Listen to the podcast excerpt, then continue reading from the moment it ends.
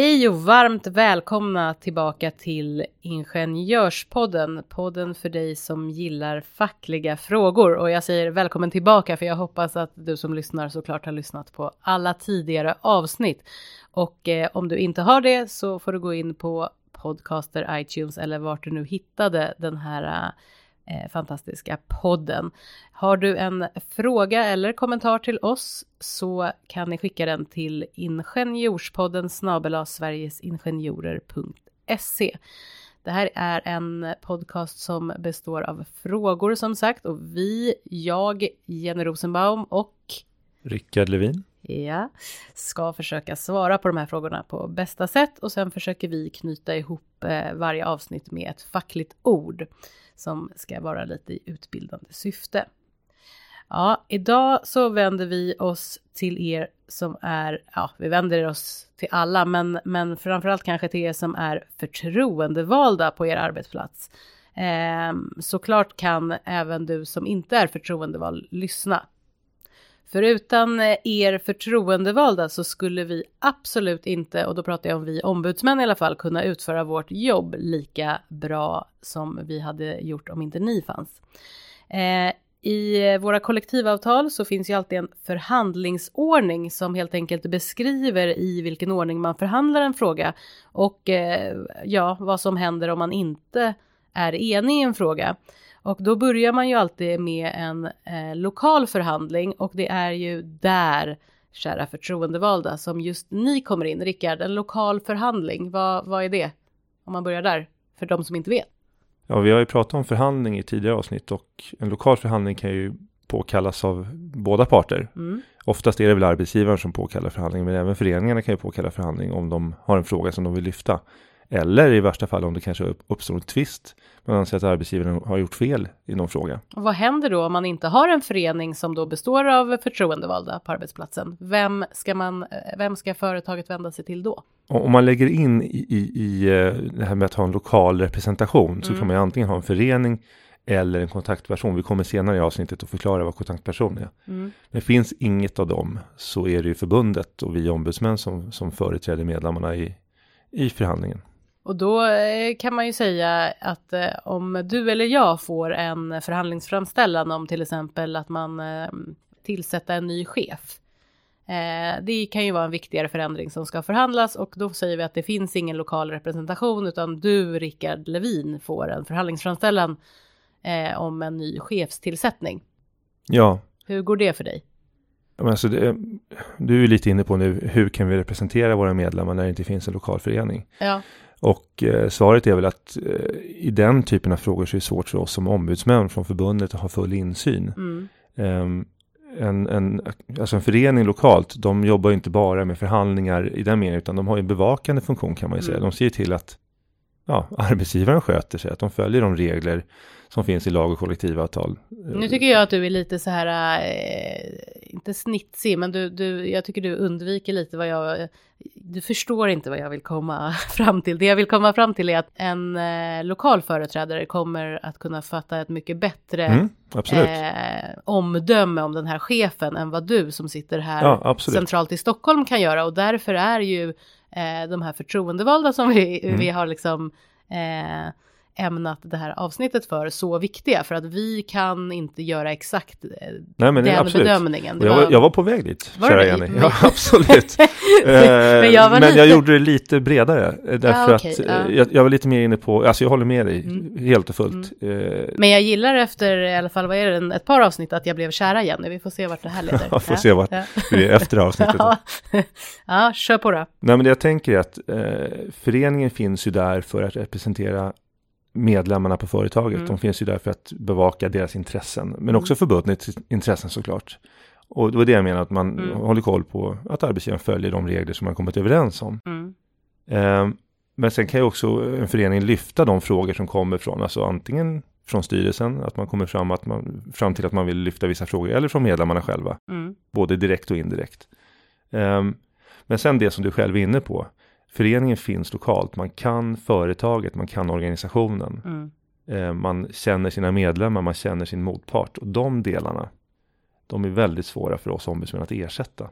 Så egentligen även för dig som lyssnar som är medlem eller bara intresserad av fackliga frågor så förtroendevalda på arbetsplatsen, det är en väldigt viktig funktion. Oerhört viktig funktion och jag skulle säga att den här svenska modellen som vi alla, eller arbetsmarknadsmodellen mm. som vi alla lever inom eh, och du pratar om förhandlingsordning. Mm. Eh, allt det här bygger ju egentligen i grunden på att vi har en stark lokal representation. Mm. Du har ju ganska, eh, du har ju mer erfarenhet än vad jag har av att jobba med föreningar. Hur, vad skulle du säga eh, genom de här åren som du har jobbat? Hur har arbetet varit? För du har ju ändå, dels har du ju ändå jobbat tillsammans med föreningar och även stöttat föreningar.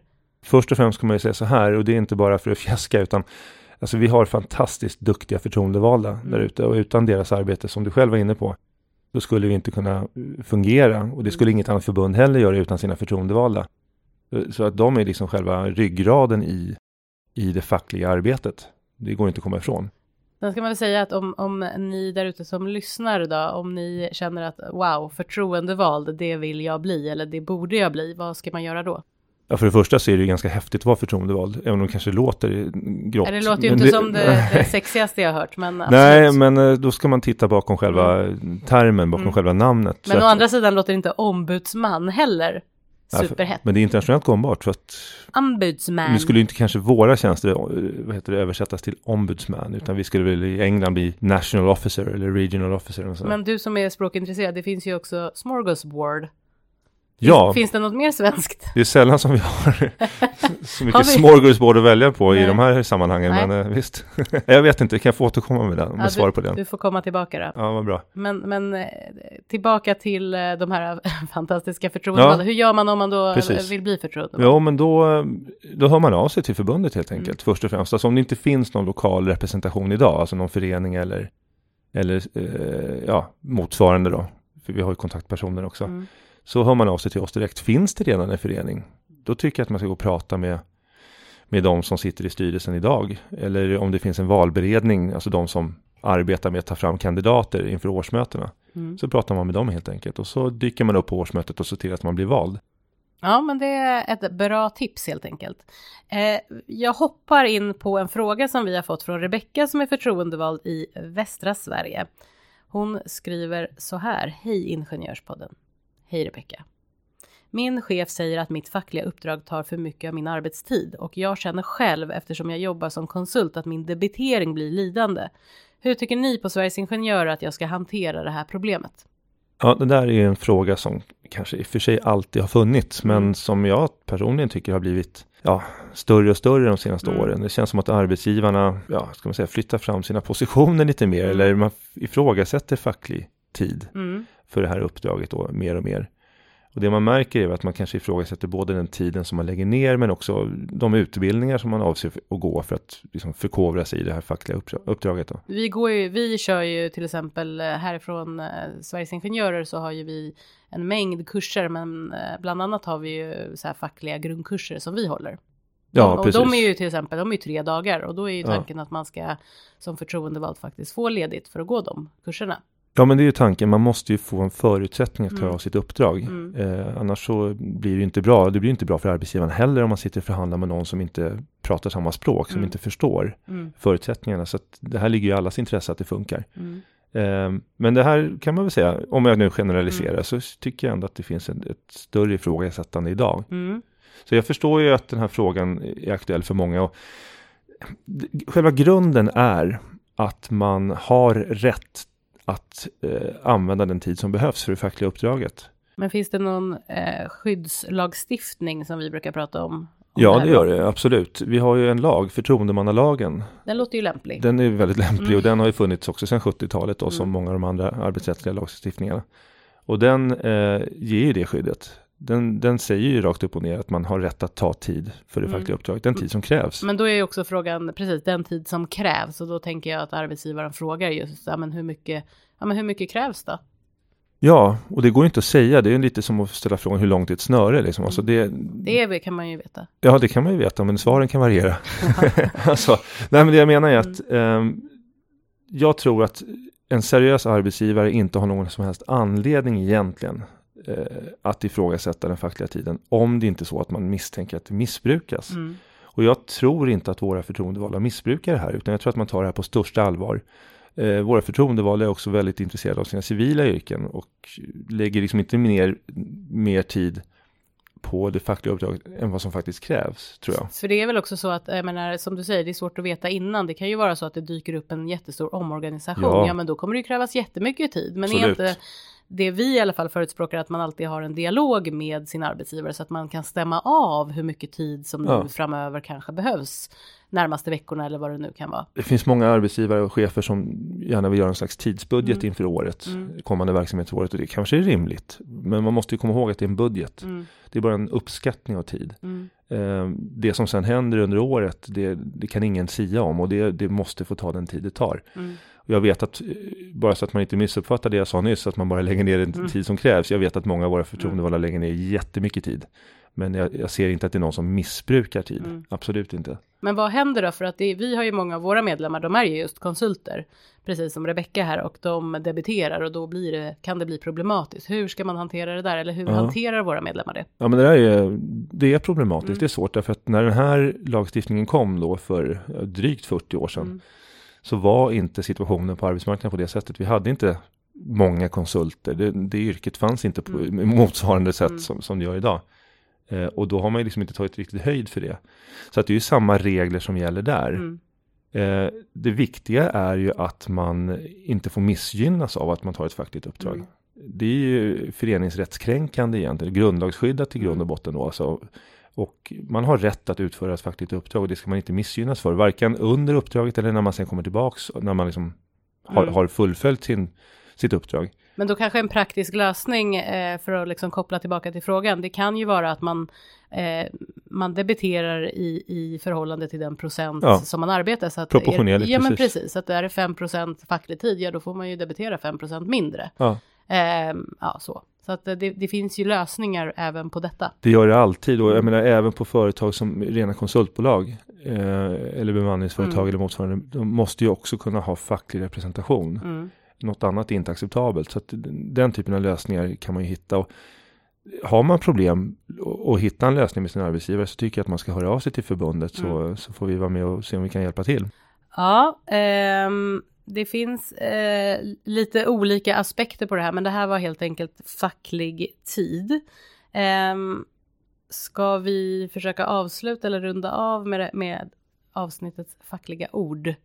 Det kan vi göra, vi kan ju baka in, Där kan vi baka in lite, lite annat också. Exakt, vi bakar in ja. lite av varje, men, men vi tänker ändå att det här fackliga ordet ska vara kontaktperson och det ska vi säga är det namnet som som vi här på Sveriges Ingenjörer använder så får vi ja, utveckla lite. Jag kan ju förklara lite grann vad det handlar om. Mm. Och det är att det man oftast tänker på när man har lokal representation det är mm. att vi har föreningar. Mm. Eller klubbar som det också kan kallas. Eh, vi säger ju föreningar. Och hur många föreningar har Uh, ja, vi har drygt tusen föreningar ja. och sen har vi 500 arbetsplatser där vi har de här kontaktpersonerna. Mm. Och det är egentligen, eller ja, det är arbetsplatser där vi inte har lyckats skrapa ihop en föreningsstyrelse helt enkelt. Det, mm. Vi har inte tillräckligt många medlemmar eller tillräckligt många som känner att de har möjlighet att, att vara förtroendevalda just nu. Mm. Och då, när vi är lite färre då, så, så kan man utse kontaktpersoner och det kan vara en eller två eh, oftast då. Eh, som i och för sig har fullt mandat, men de sitter alltså inte i en styrelse. Men när du säger då fullt mandat, för det kan man ju undra vad det betyder, då betyder då att man har fullt mandat alltså via den här förtroendemannalagen, så att när arbetsgivaren ska förhandla, eh, även fast det inte finns en förening, så måste man förhandla med den här kontaktpersonen. Ja, men det stämmer bra. Eh, alltså alla föreningar mm. Eh, har ju det mandatet. De företräder våra medlemmar. De är förbundets förlängda arm kan mm. man säga. Eh, där är det föreningen som har mandatet att företräda föreningen, det är inte förbundets ombudsmän. Och ni kan ju förstå själva, eh, för du sa tusen föreningar eh, ja. och hur många förtroendevalda? Ja, förtroendevalda totalt är knappt 6 000. Och då kan man ju förstå att 6 000 personer, om de inte, eller ni inte hade funnits, det hade ju blivit svårt för oss att utföra det alla de lokala förhandlingarna ja, det, det är en fullständig omöjlighet. Det hade ju inte gått liksom. Nej, alltså det hade, och skulle det ha gjorts så skulle det inte ha gjorts lika bra. Det kan Nej, man ju lugnt konstatera. Det hade ju blivit slentrianmässigt ja. på vissa förhandlingar då. Så jag menar, det här mandatet mm. som finns lokalt, det, är, det ligger hos föreningen mm. eller hos de här kontaktpersonerna. Mm. Eh, och då är det ju inte så att vi ombudsmän dyker upp och förhandlar, utan mm. vi stöttar vid behov föreningarna och kontaktpersonerna. De, de som är förtroendevalda hör av sig till oss. Och som vi, jag tror vi sa i tidigare avsnitt så är vi ombudsmän ibland avtalsansvariga. Då, då hör ju de förtroendevalda av sig inom det avtalsområdet till den avtalsansvariga ombudsmannen och men, bollar. Men tycker du att det är ofta som en förtroendevald inte tar en lokal förhandling? Du menar att vi som ombudsmän istället tar det? Ja, men det kan ju vara, tänker jag, att ibland så är det ju så här, men jag vill inte att den förtroendevalda, alltså att en medlem hör av sig, jag vill inte att den förtroendevalda representerar mig för att jag är chef till exempel. Ja, okay. eh, ja. Eller att jag bara känner att jag litar inte på personen. Eller det kan ju vara lite olika. Det kan vara så. Det är inte att, jättevanligt. Nej, men... det kan vara så att en medlem hör av sig ibland. Mm. Och då får man väl titta på vad som är bakgrunden. Mm. Därför att generellt sett så är det ju de förtroendevalda som företräder. Mm. Eh, de har mandatet. Mm. Men är det en situation där man kanske inte tycker att det är lämpligt att, att styrelsen eller kontaktpersonen företräder. Det kan mm. vara en chef som du säger. Det finns någon historik av någon anledning ja, men då, då får man väl ta en diskussion. Mm. Och då, då kontaktar ju vi även de förtroendevalda så pratar vi om det. För det kan ju också vara så, tänker jag, du som har lyssnat där ute nu och blivit så inspirerad av Rickard som sa att det är otroligt spännande att vara förtroendevald, då kanske man vill bli det och då kan det ju vara så att är man helt ny som förtroendevald så kan det ju vara kännas lite jobbigt i början att ta en tung förhandling ja, ja, om liksom en uppsägning på ja, grund av personliga skäl. Och då Men kan man ju höra av sig till oss också. Och det kan vara tungt när som helst, därför ja. att vi som ombudsmän, vi jobbar med det här dagligen. Mm. Som förtroendevald så har man ju förhoppningsvis inte en situation där man så särskilt ofta kommer i kontakt med situationer med avsked, personliga skäl, mm. eh, vad det nu kan vara, alltså mm. svårare situationer. Och då är det klart att då hör man ju av sig, får stöd av oss och vi ibland är vi till och med med och stöttar alltså, i så kallade förstärkta förhandlingar. Mm. Så att självklart så stöttar vi. Mm. Ja, men då gick vi igenom lite vad en eh, kontaktperson är. Men eh, om det inte finns någon förening, men det ändå finns, eh, säg tio medlemmar, och så vill man starta en förening, hur gör man då? Ja, det är alldeles utmärkt. Antingen så gör man det genom att man håller ett medlemsmöte mm. själva och så skickar man in eh, protokollet från det medlemsmötet till Sveriges Ingenjörer och så registreras man som förtroendevald. Och så informerar vi då arbetsgivaren om att nu finns det en nu finns det förtroendevalda, nu finns det en förening hos er. Mm. Och det är ju något som krävs för att man ska omfattas av förtroendemannalagen, att man eh, dels är vald, dels att arbetsgivaren är informerad om det. Mm. Och sen är det faktiskt en tredje grej också, det är att det finns kollektivavtal på företaget. Just det, för att om det inte finns ett kollektivavtal på företaget, då kan, inte, då kan man inte ha en förening även fast det finns medlemmar eh, Jo, alltså en förening Eller? kan man ha. Jo, man, man kan ha en förening, men mm. man har ju inte, man är inte omfattad av förtroendemannalagen. Nej, men det var det jag skulle komma till, ja, förlåt, att, att, då ja. kan du inte, ja, du kan ha en förening, men du kan inte vara omfattad. Förtroendemannalagen kräver att det finns ett kollektivavtal ja, för att kunna ha den förhandlingsmöjligheten. Men då är vi gärna med och, och tar den diskussionen med arbetsgivaren mm. då om att teckna kollektivavtal, för det är ju vår utgångspunkt att mm. Eh, alla våra medlemmar ska omfattas av kollektivavtal. Då fick Rickard in det också. Ja, det är viktigt. Eh, vill du ha några slutpeppande ord? Ja, men innan det ska jag bara säga att om man nu inte känner sig helt säker på hur man ska bilda en förening så kan man höra av sig till oss och några av våra kollegor jobbar som föreningsutvecklare och de eh, har ju egentligen som huvuduppgift att hjälpa till med att starta upp nya föreningar. Så då får man jättegärna höra av sig till dem och de når man på lfr snabela sverigesingenjorer.se var, LFR, varför LFR? Eh, LFR, ja det stod förut, de hade tidigare benämningen lokalföreningsrekryterare mm, okay. men nu så heter man då mm. föreningsutvecklare. Det är perfekt och så byter man inte. Ni som, alltså, ja. som lyssnar och ja, dels Sveriges Ingenjörer har ju många förkortningar men hela den här världen ja. väldigt många förkortningar. Men det har ju alla världar tänker jag, ja, så, på alla företag. Det vet ju vi som är ute och träffar förtroendevalda och ja. mycket spännande som våra medlemmar pysslar med men man förstår ju tyvärr inte riktigt så här. Men eh, LFR snabel sverigesingenjorer.se som sagt.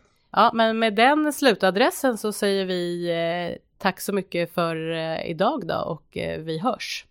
Hej hej.